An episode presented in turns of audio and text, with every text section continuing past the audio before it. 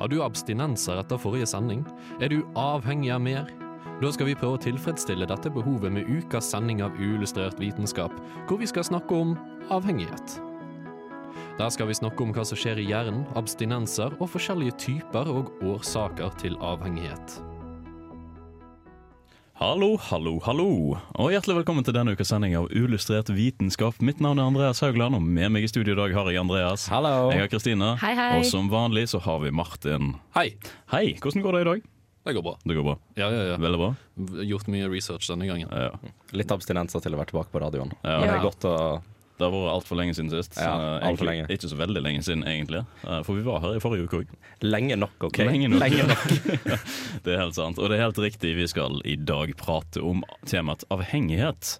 Uh, Det er jo litt grann, eh, en liten ja, kan du si, viderespilling på forrige ukes sending, der vi pratet om eh, dataspill. Mm. eh, Som er jo òg egentlig passende for i dag, for du kan jo utarbeide eller utvikle deg en eh, spillavhengighet, og der òg en dataspillavhengighet. Ja, da kommer vi inn på litt senere. Vi skal prate litt mer om det senere. I tillegg så har vi en helt ny ting i dag som vi har eh, eh, er ikke en ny ting, da, uh, men vi har endelig fått inn litt grann spørsmål. Fra våre lyttere. Så vi har i den anledning mekket sammen en liten uh, hyggelig, kort eh, og fantastisk fin jingle eh, for eh, å kunne svare på deres spørsmål eh, skikkelig. Vi er klar for det nå. Eh, om litt, bare sånn. Vi kjører. Jeg lurer på noe. Hvorfor er det sånn, Hei, da? jeg bare lurte på. Jeg hørte her om Jeg har dagen tenkt på det så lenge. Er det sant at jeg kan Men kanskje du kan svare på det? Vi svarer på akkurat det du lurer på. Uillustrert vitenskap sin innboks. Og hvem er førstemann ut i dag? Eller førstemann ut, generelt sett, for denne, la oss si, nye spalten? Førstemann ut, det var eh, Tilde, Tilde. som sendte oss en melding, og hun hadde et veldig interessant spørsmål. Ja. Som jeg bare måtte svare på. Jeg klarte ikke å la det være. fordi det er akkurat sånn som du driver med? Ja. Ja. Eh, og hun lurte på hva fødselsmerker kommer av, og hvordan tvillinger kan ha forskjellige fødselsmerker. Eller, ja, men at det kan fortsatt være en viss grad med arvelighet av fødselsmerker. Og hva det egentlig er. Ja, altså, Det er faktisk tilfeller at tvillinger har samme fødselsmerke. Det, Eh. det beit jeg meg litt merke i nå. Eh, Er det sånn? Tja. Tja. Det kan skje. Tja. Det kan skje. Ja. Ja. Fordi fødselsmerker er litt som føflekker, men det er på en måte mer enn bare føflekker. Fordi du kan ha brune fødselsmerker og så sånn føflekkfødselsmerker, liksom. Mm. Og så kan du ha røde fødselsmerker, som er blodåreansamlinger i underhuden, som gjør at du blir sånn litt rød. Det er mange som har det i ansiktet, men du kan også ha det alle steder på kroppen. Okay. Mm. Det heter portvinsflekker, da. Portvinsflekker. Ja. Oi, veldig kledelig. Ja.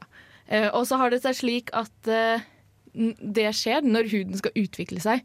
Når, hud, når du utvikler deg som menneske, så skal du også få hud. Og det, er, det starter som med noen celler, og så skal det bli veldig mange celler.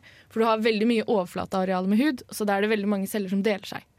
Og så har det seg slik at det er noen Du har forskjellige celler i huden. Det er de som lager pigment, og så er det de andre cellene.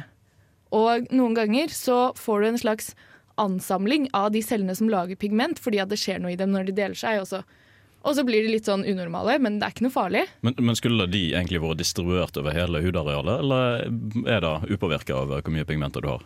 Eh, ja, de skulle egentlig vært eh, jevnt distribuert, da. Ja, ok. Men så, har det, men så bare samler de seg på et punkt, og der får du enten en føflekk eller et fødselsmerke. Ja. Oh. Ja, Og det blir en sånn brun flekk som eh, Ja, som er brun. Som en. Men det er ikke sånn at uh, i etterkant så er det muligheten til Altså etter huden er utvikla, så er det mulighet for å spre de på en måte ut igjen? Eller er det liksom de er stuck der når de er der? Ja, de er stuck. Ja. Uh, og- og det har seg slik at du er født med alle føflekkene du har. Men så er det seg slik at uh, det er ikke alle som syns med en gang. Så hvis du sier at du har fått en ny føflekk, så er det på en måte den var der fra før av. Den bare syntes ikke så godt. Ja, okay. Okay. Og så har den produsert mer pigment da, eh, siden, siden sist du så på den, så at den ikke var der. Er det òg en av grunnene til at folk er så redd for føflekkreft? Fordi det produseres veldig mye eh, En er redd for at en får en mutasjon da, som produserer flere celler? Ja, fordi egentlig Altså, i en føflekk så har du på en måte Altså, det har jo ikke gått noe galt, men det er liksom en liten unormalitet da, som gjør at, den, uh, at de cellene samler seg i en haug istedenfor å spre seg jevnt. Ja. Eh, så derfor så har de en liten større risiko for å få utviklet kreft enn andre celler. Men det er jo Ja. Det er jo ikke, altså det er ikke så farlig som man skal ha det til, da. Nei, godt å vite. Eh, ja. Og det at det er arvelig med både føflekker og sånn, det, seg, det, er det egentlig ingen som vet. Men det er jo noen som har som foreldre som har samme fødselsmerke som barna sine, f.eks. Og det er Jeg har ikke funnet det direkte, men jeg vil anta at det har noe med at hvis du har en genetisk arvelighet da, i disse cellene som gjør at, det, som gjør at, det er en, at du har et arveanlegg for å få en viss feil i de cellene, så, uh, så kan det arves ned, da. Det mønsteret av uh, feil som skjer. Ja. Mm. Men det skjer jo hos alle, så du kan på en måte ikke kalle det feil. Men jeg kaller det feil for forklaringens skyld. For, det, gjør det, det, gjør det, enklere. Ja. ja. Men alle har føflekker. Ja. Og alle, nesten alle har fødselsmerker. Alle. Men ja, fødselsmerker er egentlig en stor føflekk.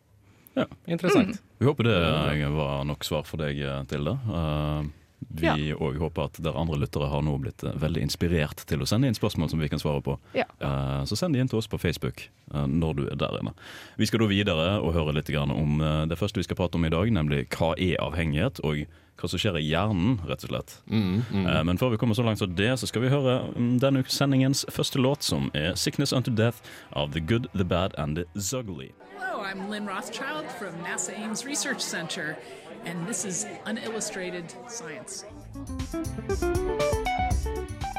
Da jeg satt og skrev dette her jeg nå sier, hadde jeg på bordet en ikke så altfor liten mengde sjokolade. Jeg bestemte meg for å ta en bit, men jeg tok heller to. Etter to tok jeg et par til. Og dette kan være fordi sjokoladen stimulerte belønningssenteret i hjernen min. Fordi når man gjør slike ting som å spise og drikke, eller generelt gjøre ting som man liker, utløses nevrotransmittoren dopamin. Heldigvis har jeg også viljestyrke og stoppet sjokoladeinntaket der. I, I hvert fall for en liten stund. Dopamin forekommer i stor grad dypt inni hjernen i noe som kalles basalgangliene. Dopamin spiller en viktig rolle i en haug av hjerneprosesser, som motoriske funksjoner, motivasjon, opphisselse og belønning. Signalene fra dopaminet brer seg utover fra midthjernen til basalgangliene. Deretter går noen av signalene til hjernebarken, og noen går til det som kalles akumbenskjernen, på vei til det limbiske system. Det limbiske systemet er interessant i seg sjøl, men det er ikke den vi skal snakke om i dag. Istedenfor skal vi se på akkumbenskjernen, fordi det er der vi finner hovedsenteret til belønningssystemet. Belønningssystemet er en viktig faktor i det som får oss til å spise, som vi trenger for næring, trening som vi trenger for å holde oss i form, eller generelt belønne oss når vi får ting til. Men det kan også bli for mye av det gode. Når du f.eks. spiser en sjokolade og liker sjokolade, utløses dopaminet og stimulerer belønningssystemet. Og det føles bra. Etter hvert vil vi savne den følelsen, og vi vil ha mer sjokolade. Når vi har gomlet i oss en liten haug sukker, merker vi at vi må ha mer for å oppnå samme mengde glede. Dermed kreves det mer og mer sjokolade for å tilfredsstille oss på samme måte som det opprinnelig gjorde. Dette skjer fordi kroppen vil etter hvert prøve å balansere seg sjøl ved å utløse mindre mengder dopamin per sjokoladebit. Heldigvis kan man komme tilbake til sitt gamle nivå ved å unngå sjokolade og sukker en stund. Og da vil i tillegg lysten dempes og kanskje forsvinne. Men når denne lysten blir så sterk at det går utover alt annet, kommer vi inn på det som kalles avhengighet, som vi skal snakke mer om straks. I'm James Randi, and you're listening to Unillustrated Science. Tusen takk til deg, James Randy, og ikke minst takk til deg, Martin, for en så vakker introduksjon. Jo, takk for det. Takk for det. For vi skal nå snakke om uh, rusmidler. Yes Som uh, gress og knark og forskjellige typer støv, og i det hele tatt. Det er det, det, er det ungdommen kaller det. noe sant. noe sant. Nei, for det som er med rusmidler, det er jo det at det er en enorm stimulering rett i uh, dopaminsenteret, eller rett i eh, eh, belønningssystemet. Mm -hmm. Og det stimulerer belønningssystemet noe helt enormt. Og det leder etter hvert til at man blir mindre følsom på dop. Eh, og det gjør at man etter hvert blir mindre, mindre følsom på alt. ja, men det, det, du sier at det blir mindre følsom på dop, det betyr at du må ha mer eh, Du må ha mer for å føle effekten, men, ja. men man, det, er det, er forskjell, på det å utvikle en uh, Hva det heter når man blir når man blir, begynner å tåle det. Toleranse. Toleranse, selvfølgelig. det er forskjell på toleranse og noe som jeg leste er tolerability, som er, vi oversetter det til tolerabilitet. Ja, det For fine det, for det, er, det, det er forskjell for det. Toleranse det er noe man utvikler, da må man ha mer rusmidler for å føle rusen. Mens tolerability det er hvor mye man takler det sånn fysisk sett. Ja, akkurat. Men man utvikler etter hvert en toleranse. Og Kan man få man må bedre tolerability? Uh, det fant jeg ikke noe om. Nei. Til visse ting. Til visse ting. til til visse Ja. ting. Ja. Sånn alkohol, for eksempel, kan man det. Til man ødelegger leveren, så får du motsatt effekt igjen. Yes. Eh, det som òg er, er at eh, hjernen begynner å fjerne, eller begynner å regulere ned hvor mye dopamin den slipper ut. Som vi snakket om. Du får færre sånne her Ja, belønningssystemet blir på en måte redusert litt. Og dette går jo utover alt. Mm. Sånn at etter hvert så er det liksom ingenting som er gøyt lenger, bortsett fra dop. Ja. Og da er man skikkelig avhengig. Det er jo noe som spesielt er typisk for um, heroin. da At Ja. eh, gjerne veldig mange føler seg ikke friske når de ikke har det i kroppen, hvis de har begynt å bruke det. Eller ja. altså at de går for å få seg den neste fiksen fordi de Ja. vil føle seg friske igjen. Ja, og da kommer vi på en måte tilbake på det som er normalt nivå for de da. Ja. Det, det er en reversibel prosess, men det er jo veldig vanskelig å slutte. Så helt sant. Og det tar veldig lang tid. det tar veldig Ikke lang tid. minst. Ja, fordi der kommer vi inn på et fint annet stoff som jeg fant. En eh, såkalt eh, sånn her eh, såkalt delta fos B. Ja, det, ja. Det Ja. har jeg hørt om. Ja, ja, ja. Han karen kjenner jeg. Ja, ja, ja, ja. Ja. Hyggelig fyr. ja nei, for det er en sånn fin, fint lite stoff som sørger for transkripsjon i DNA. Altså den kan endre litt på DNA, og dermed så kan jo den regulere litt hva vi blir avhengig av. OK. Så den kan gjøre sånn at du blir avhengig av det? Eller gjør, gjør ja, det sånn den generelt av, generell avhengighet. Ja, okay. Den er brukt i det meste.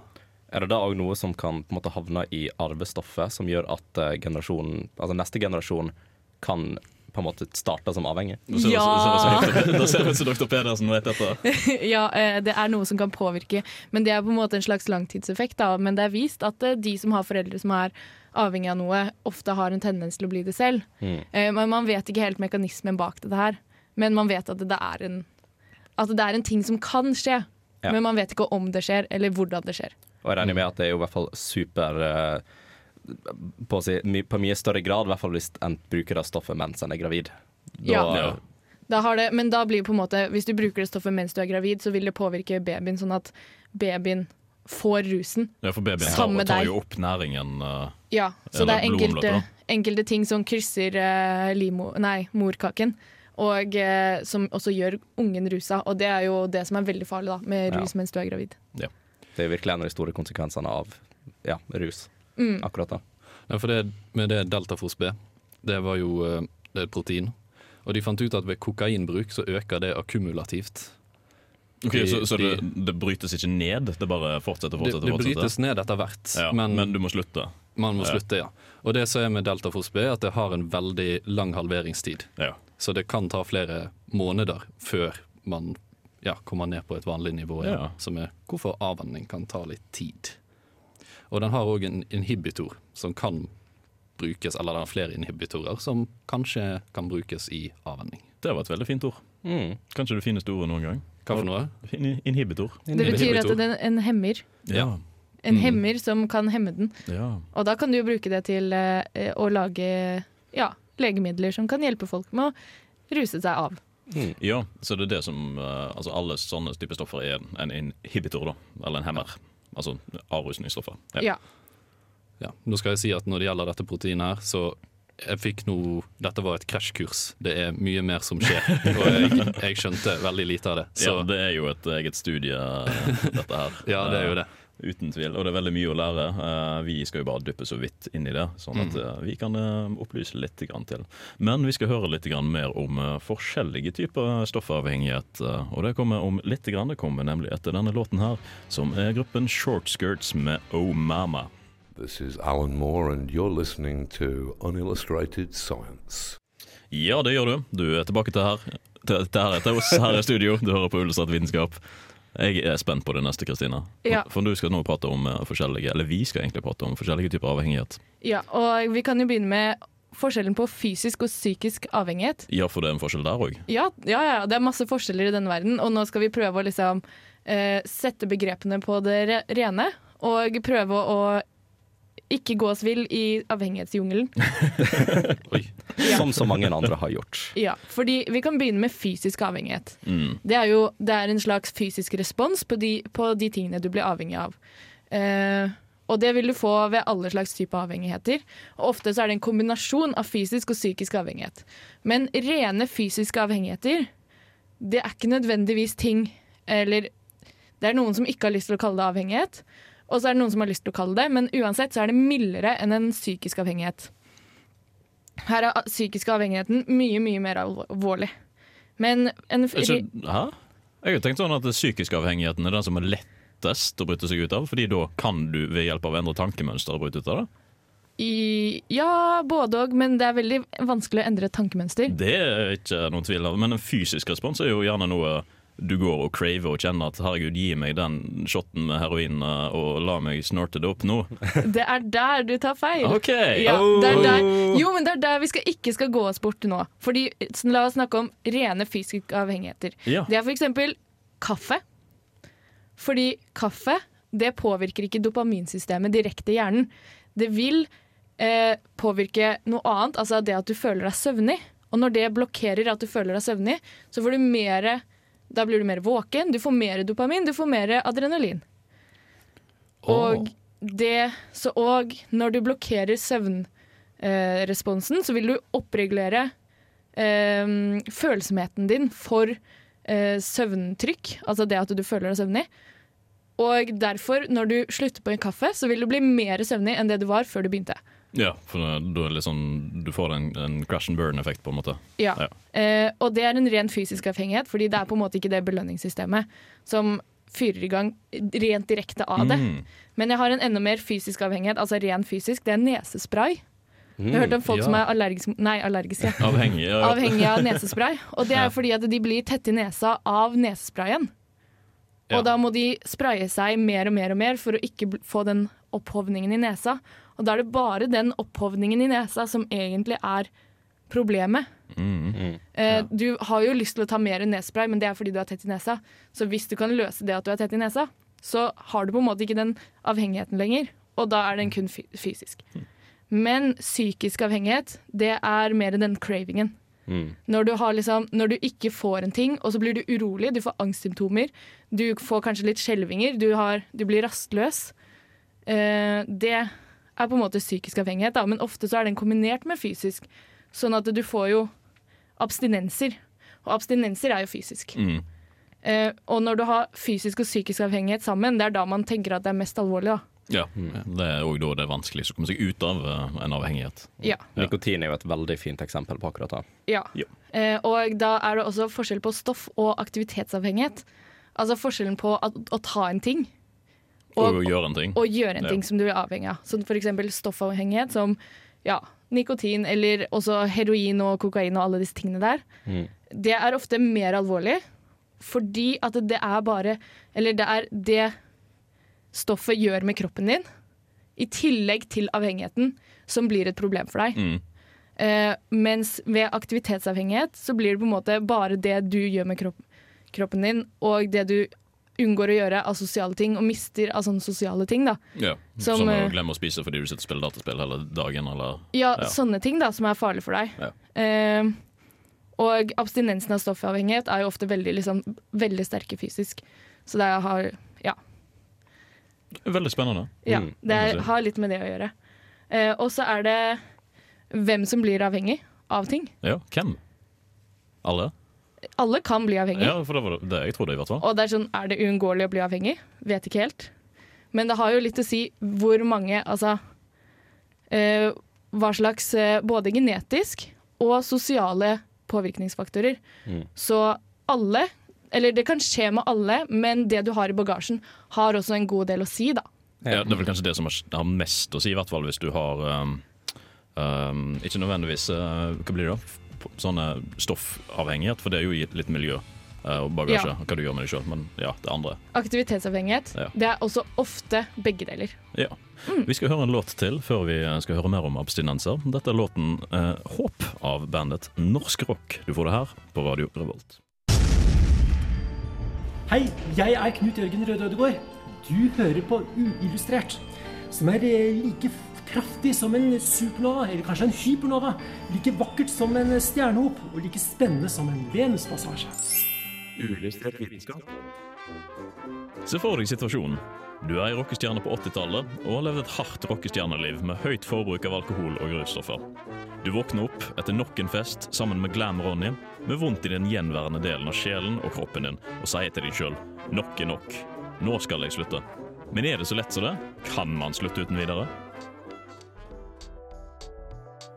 Som med alkohol, som det er med mange andre stoffer, vil det variere fra person til person hvordan man reagerer på det. Men et overdrevet høyt forbruk vil føre til en fysisk avhengighet som er mye vanskeligere å komme seg over enn når man bare opplever psykiske abstinenssymptomer. På mange måter så er abstinenser en fysisk reaksjon på noe psykisk. Abstinenser er noe man opplever når man ikke tilfører et stoff man er avhengig av, til kroppen sin, og karakteriserer de symptomene kroppen opplever deretter. At man opplever abstinens etter enten redusert forbruk av avhengighetsskapende stoff eller kuttet det helt ut, skyldes at det sentrale nervesystemet er en hypereksitabel tilstand, som betyr at det skal mye mindre stimuli til for at nervesystemet reagerer.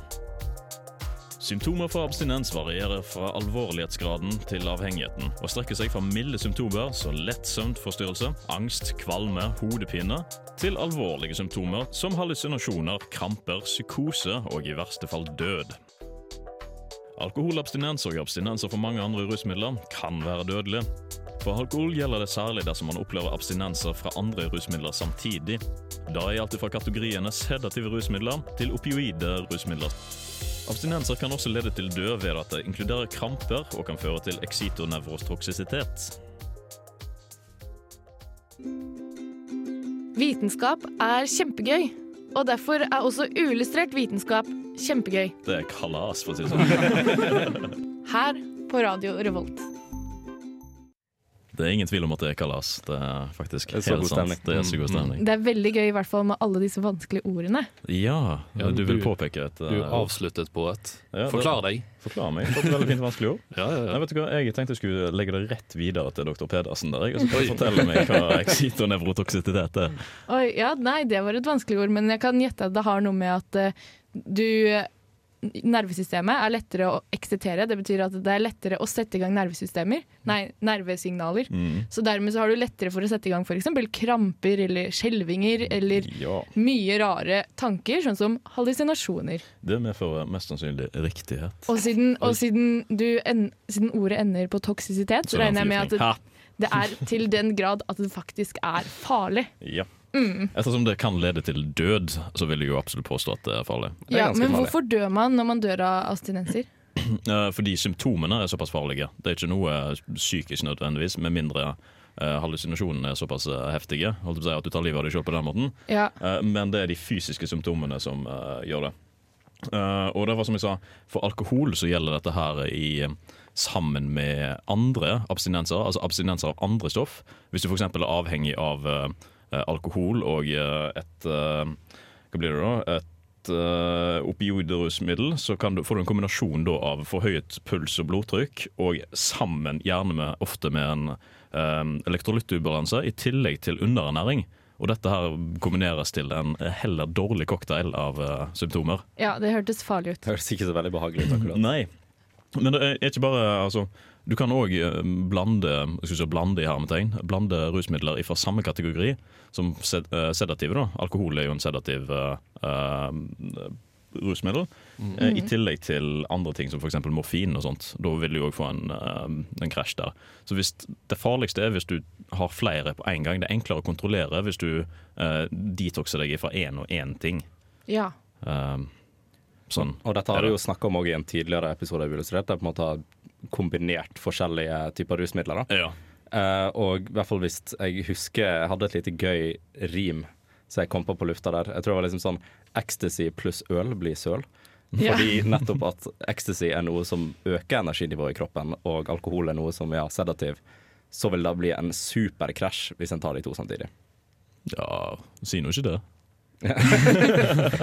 Det blir nok det. det blir nok det. Nei, nei, nei, nei, nei. Uh, Det, det stemmer ikke. Men så var det sånn som jeg nevnte, da, um, så vidt, at det med opioider er jo det som på en måte stimulerer belønnelsessenteret aller mest. Uh, Fordi det er noe som får deg til å føle deg eh, levende, glad og alt mulig sånt. Uh, frisk. Det er det som stimulerer eller ligner mest på endorfiner og dopamin i kroppen. Og det er jo noe som man skiller ut naturlig, eh, og veldig ofte sammen med opplevelser Ja. eh, som man gjør. Og det har jo litt med læring å gjøre òg, kanskje. Det med at, eh, det med at man eh, Når man skal detoxe, at man kommer hele tiden bort i, bort i um, situasjoner da, som ligner på de, og så får du mer eh, cravings. Mm. Ja, for jeg har jo en ganske spennende bok foran meg Ja. som heter 'Hjernestjernen' av Kaja Nordengen, så jeg måtte som hjalp litt på researchen i dag. Ja, det er si faktisk sånn. veldig mye bra i den boken. Ja, ja. ja. Og der, var det, der ble røyking brukt som et eksempel, fordi avhengighet kan på en måte være litt motorisk. Så hvis man skal avvenne seg røyking, så hjelper det faktisk å bytte hånd man røyker med. Okay. Fordi man men, da kommer- bryter litt opp i vanene. Da kommer det inn en veldig psykisk barriere, da, om du klarer å tvinge deg sjøl til å bytte hånd. da. Eh, fordi det er veldig enkelt å bare ja, Jeg tar den i høyre hånd likevel. Ja. Og det er sykt morsomt, fordi at det har litt med denne dopaminsløyfen i hjernen å gjøre. Du kan se på det som en loop da, som går. At det sendes ut dopamin, og så er det noe som responderer, så sen- sender signaler tilbake. Mm. Men det er ikke en klo- lukka sløyfe. Nei, for du kan avbryte den på et punkt. Nei, den sender ut utløpere til alt annet i hjernen. Den sender ut utløpere og påvirker det motoriske i kroppen. Det påvirker følelsene, det påvirker humøret, og det påvirker hvordan du tenker. Så det påvirker på en måte alt, og det er derfor det motoriske også litt, har litt å si. Og det syns jeg er gøy, da. Mm. Altså det, det motoriske, altså i hvert fall når det kommer til ting som ja, snus, Ja. eh, der går det jo veldig mye på da at du bare trenger å du, du er ikke nødvendigvis Det er ikke nødvendigvis nikotinen som påvirker deg i en veldig høy grad, men det er bare å ha noe i overleppa. Ja. Så en av de liksom mest effektive måtene å prøve å unngå abstinensene på snus, dette kan være personlig erfaring, Mhm. uh, det er faktisk bare å enten kjøpe noe sånt som tyggegummi og bare ha det i overleppa i stedet for. Ja, akkurat, ja. ja, for er det en slags avhengighet at jeg går og åpner kjøleskapet ganske ofte? Det tror jeg er mer det at du kjeder deg. Ja, uh, men det er jo en slags vane. Ja. Vanedannende. Det er det. Men det, er merker jeg sjøl at det er noe som jeg spesielt gjør eh, hvis, jeg kjede, hvis jeg kjeder meg. Ikke skal kjede meg, men altså hvis jeg er ferdig med alt jeg skal gjøre om dagen og det skjer ingenting. Ja, ja. Så er det sånn, ja, Går litt fram og tilbake, åpne kjøleskapet. Ja, jeg vet ikke om det går Det er fordi jeg har lyst på litt, noe. Leser litt uh, på nettsida, gå tilbake. Ja. Det er jo mer sånn eh, vanedannende fremfor en avhengighet, vil jeg Ja, si. det er jo Hvis ikke du kan koble opp mot en super, super mild matavhengighet. Ja, det kan du gjøre. uh, gi meg uh, sukker og sjokolade og alt mulig sånn. Ja. Ja. Vi har vel strengt tatt alle en viss matavhengighet. Ja, det er sånn. Det var noe som heter det å leve. Men, men kan du kalle det avhengighet hvis det er noe du trenger? Fordi at du blir på en måte avhengig av det du trenger Ja. for å leve. Altså for å, for å bringe din art videre, så trenger du å spise, du trenger å være i en gruppe sammen med andre mennesker, og du trenger å reprodusere. Alle disse tingene trigger jo belønningssystemet. Ja, men det vil ikke si at det er noe du er avhengig av. For Nei. du kan eh, fint kutte ut eller endre matvaner. Det går Ja. fint annet. Og du kan endre livsstil og levestil. Så det er ikke en sånn avhengighet der.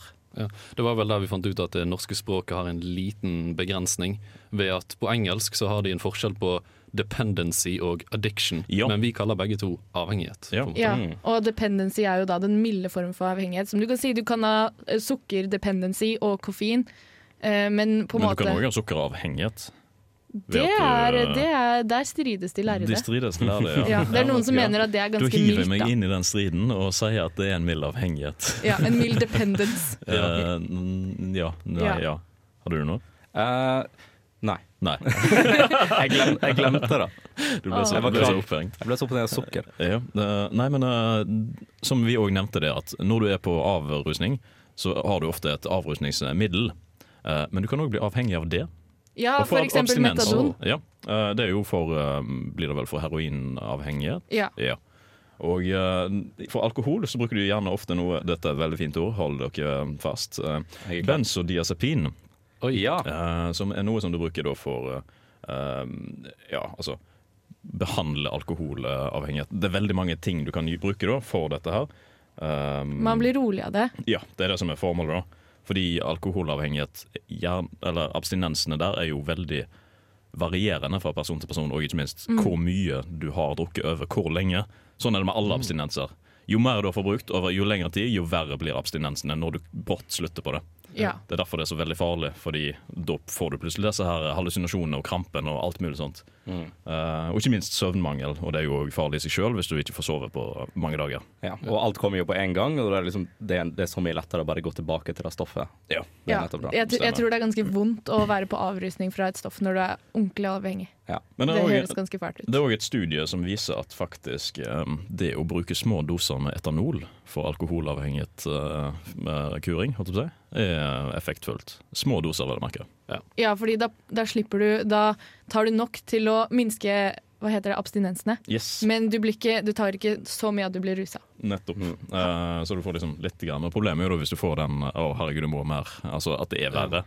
For Det er jo det som mange alkoholikere sliter med. Uh, hvis de får en, en enhet, så klarer de ikke å stoppe seg sjøl. det er selvkontroll, da. Mm. Det er jo et problem. Det er helt sant. Vi skal videre og høre litt mer om det siste stikket, som kanskje ikke er så veldig biologisk relatert. Eh, vi skal Mm, kanskje. Kanskje litt. Grann. Kanskje litt. Hvem veit? Vi veit om litt. Det er nemlig om eh, hvordan du kan bli avhengig av sosiale medier, og hva det gjør med deg. Men før vi kommer så langt som dette her, så skal vi høre en låt til. Og det er låten 'Catation Call' av Nylenda.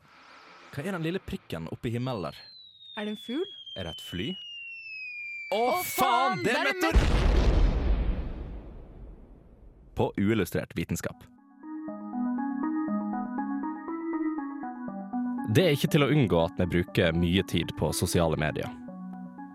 Det er en ganske stor konsekvens av det moderne samfunnet vi nå bor i, og vi ser vanligvis dette omtrent hver dag. Men hvor drar vi grensa mellom hva som er avhengighet, og hva som er bare å sjekke Facebook eller Snapchat et par ganger om dagen? Sosiale medieavhengighet er en litt annen type avhengighet enn ting som nikotinavhengighet eller koffeinavhengighet. Ettersom at det ikke er et faktisk stoff som blir inntatt i kroppen. Chicago-universitetet har hatt flere undersøkelser og eksperimenter med folk som bruker sosiale medier kompulsivt. Og de har funnet ut at sosiale medieavhengighet faktisk kan være sterkere enn andre typer avhengighet. Sosiale medieavhengighet blir først og fremst trigga av at vi innerst inne ønsker å dele informasjon om oss sjøl, og snakke litt om oss sjøl. Og dette er sosiale medier en utrolig god plattform for. Denne formen for kommunikasjon stimulerer hjernen på samme måte som mat og sex, og kan i noen tilfeller være enda sterkere enn da. Medier som Facebook og Snapchat bygger veldig på toveiskommunikasjon, og har i høy grad vist at det kan påvirke forhold, og ikke minst personer som er gift. Det var en studie som viste at én av fem gifte par skiller seg pga. Facebook, men da tallet har i etterkant blitt lavere. Mye av sosiale medieavhengigheten går òg ut på at vi har en såpass enkel tilgang til informasjon på en gang. Det er en veldig lett måte å leve på, og det kan være vanskelig å koble seg av noe sånt. Men kanskje vi rett og slett bare er nødt til å lære oss å legge fra oss mobilen noen ganger? Kanskje det er løsningen på alt? Av og til kan det være vanskelig å finne fram til riktig funfact. Derfor har vi samla mange funfacts på ett sted, slik at det blir lettere for deg å finne fram til riktig funfact. Funfact Fun illustrert vitenskap. Det stemmer. Det er veldig mye fun facts å finne her. Det har vært veldig mye fun facts i dag òg, som vanlig. Det er alltid fun Ja, ikke minst det er veldig gøy òg. Veldig moro, Ja, tvangsgøy, rett og slett. rett og slett. Ja. Vi sier det er gøy, derfor er det gøy. Ja. Ja. Uh, men sosiale medier, det Ja. er jo vel, en veldig an interessant type avhengighet, syns jeg. Ja, for det er noe som alle, i hvert fall altså, Nå sier jeg alle fordi det er sikkert én av 10 000 kanskje studenter og ungdommer i dag som ikke bruker en eller annen form for sosiale medier. Ja, essensielt. Ja. Um, og sosiale medier er en veldig ny type avhengighet, som vil si at det er, veldig, det er ikke nødvendigvis så mye forskning på akkurat det her. Nei? Men samtidig så er det så utrolig vanlig. Uh, og vi merker jo da altså jeg, jeg, jeg vil si at jeg er avhengig av sosiale medier, i den forstand at jeg føler jeg må sjekke ting, og jeg regner med at alle kan Ja, absolutt. Jeg kan relatere veldig godt til det. Jeg tror det er en sånn ting som har dukket opp nå i det siste. At folk bare sånn Oi, shit, hva hvis jeg prøver å skru av dette? Det går ikke. Nei, sant? Det Du er, klarer det gjerne en liten halvtime time. Ja. Ja, og en merker jo da hvis du sier at han er borte fra telefonen i tre timer, at du har mista telefonen og du har ikke tilgang til sosiale medier, Mm. så føler man liksom sånn Du føler at du går glipp av noe. Ja. Ja. For du må alltid sjekke den varselen eller den meldingen på Ja. Messenger. Eller, Og det er det neste jeg kommer inn på. Notifications. ja. en- Djevelens verk. Det er djevelens verk. Og tingen er notifications er jo bygd opp en veldig, veldig sånn basic del av avhengighet, altså tall. Mm. Uh, I den forstand at du ser et tall, du, har lyst, du vet at det er et eller annet som gjemmer seg bak det tallet, så du må liksom, du må trykke på den, og da ser du hva det er, og da blir du på en måte Bob. Kåre har postet noe i gruppen for salg, og så blir du litt lei deg. Og så blir du litt lei deg. Men det går jo òg veldig inn på altså, Sosiale medieavhengighet går jo inn på bare internettavhengighet. Altså Som jeg nevnte på slutten, tilgang til informasjon. Mm. Du, vi er blitt så ja, dependent på det å kunne være i stand til å hente ut informasjon når som helst, og det er vanskelig å kunne gå bort fra den type livsstil. Mm. Men så er jo veldig mange sosiale medier er jo konstruert for å skape en avhengighet. Altså, Mm. Det er jo det er des, egne designere og ingeniører som utvikler appene sånn at uh, du skal kunne Du vil komme tilbake. Du Det- skal tilbake fordi Oi, kanskje jeg har fått noen likes. Jeg må sjekke hvor mange likes jeg har fått. Mm. Skal opprettholde den snapstreaken. Skal se om uh, noen andre av vennene mine har postet noe, så jeg kan gi dem en like, sånn at de gir meg en like tilbake. Ja, sant? Det, det, det er veldig interessant. Og nå, vi kommer inn på noe som, er- som vi ser veldig mye på internett òg, nemlig clickbait. Mm. Det er jo en hel vitenskap bak hvordan clickbait fungerer. Og altså, i basisform så er det egentlig at vi blir Vi ser en tittel, den er veldig interessant, i hvert fall for noen. uh, men du blir nysgjerrig. Den er provoserende på et eller annet vis, mest sannsynlig. Ja, du reagerer på den. Du ender opp med å reagere på den uten egentlig ville reagere på Ja. den. Men du blir nysgjerrig på hva som på en måte gjemmer seg bak den artikkelen. Du har lyst på svaret. Og, den, og liksom da har lyst på svaret, da er en form for avhengighet. Mm. Hvis jeg skal koble det her opp til hjernen Gjør det! Oi, ja. gjør det. ja. Ja. Fordi Hvis vi skal koble dette her opp til hjernen, så er det det at det, en notification, eller en interessant eh, overskrift, eh, det frigjør litt dopamin. Mm. Og litt dopaminfrigjøring gjør at det, i hvert fall mus og rotter får en sånn slags søkatferd. De leter etter altså, noe som kan gi dem mer. Mm. Det er som å åpne sjokoladen og ikke ta en bit, og da søker du etter resten av bitene. Ja. Og, det, og det er på en måte notification. Du får liksom den primitive trangen til å se mer. Ja, det er jo veldig veldig interessant. Uh, og vi, sånn som vi hadde jo forrige sending, snakka vi jo om dataspill. Ja, og der er det en stor uh, fallgruve holdt på å hvis du er en dataspiller. Ja, For det er men mye å falle inn i. det er basert på mye av det samme. Det er liksom bare følelsen av å vinne. Følelsen av at du har utretta noe. Uh, og da òg regner jeg med at frigjør uh, dopamin i hjernen. Ja. Ja. Og mestringsfølelsen. Ja. Du, du klarer noe. Du, selv om det er på et virtuelt nivå, så klarer du noe. Og det Ja, gir du, jo du, får, du får til noe. Og lootboxes. Ikke minst. Naturlig. Men det, det er litt sånn uh, Det er faktisk relatert til mitt neste punkt. Oi. Hei. Har du sett? Har du sett? Fordi at uh, dataspill i den forstand kan kobles uh, opp mot gambling. Ja. Det kan jeg. Det er jo altså, veldig mange tilfeldige faktorer som spiller inn i dataspill, og at du liksom føler at du får til noe og sånt. Da, det er egentlig samme følelsen du får av å gamble og vinne. For at du kan li like lett å tape i dataspill, holdt jeg på å si. Det man er så dårlig som meg. Jo, men det er på en måte. Det er jo på en måte den samme som typ stoffavhengighet, fordi det er en atferd som gjør at du får den dopaminfrigjøringen. da. Mm. Så det er på samme mekanisme som all annen avhengighet. Ja. Mm. Eh, og jeg ser vi begynner å få bitte litt dårlig tid, så jeg skal ta den siste morsomme avhengigheten. Ja, en Eleveline. Ja, eh, Det er nemlig pornoavhengighet. Ja, Eh. men, men da òg sexavhengighet, eller bare porno? Bare pornoavhengighet. Bare porno. Eh, Sexavhengighet er liksom sånn usikkert på om det eksisterer. Akkurat. Mens pornoavhengighet eh, er veldig kobla opp imot um, eh, det, som, måtte- det avhenger veldig av hva som skjer i selve pornofilmen.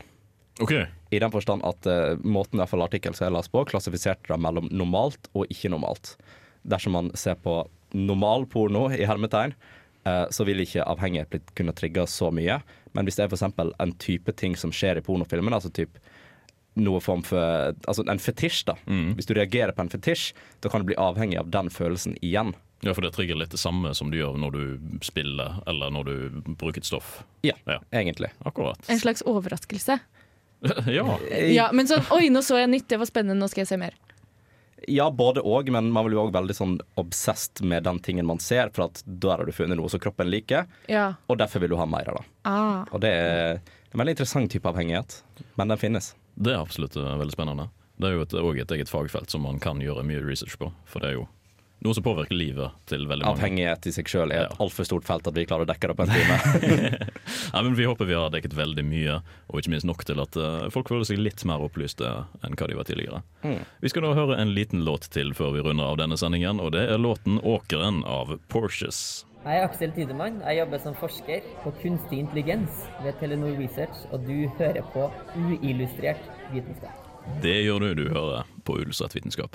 Her. Sånn som du burde gjøre. Sånn som du burde gjøre. Sånn som du forhåp- forhåpentligvis gjør òg fremover. Som du er litt avhengig av. Ja, Kanskje du blir litt avhengig, Ja, om du ikke er det. Om du ikke er det allerede. Ja.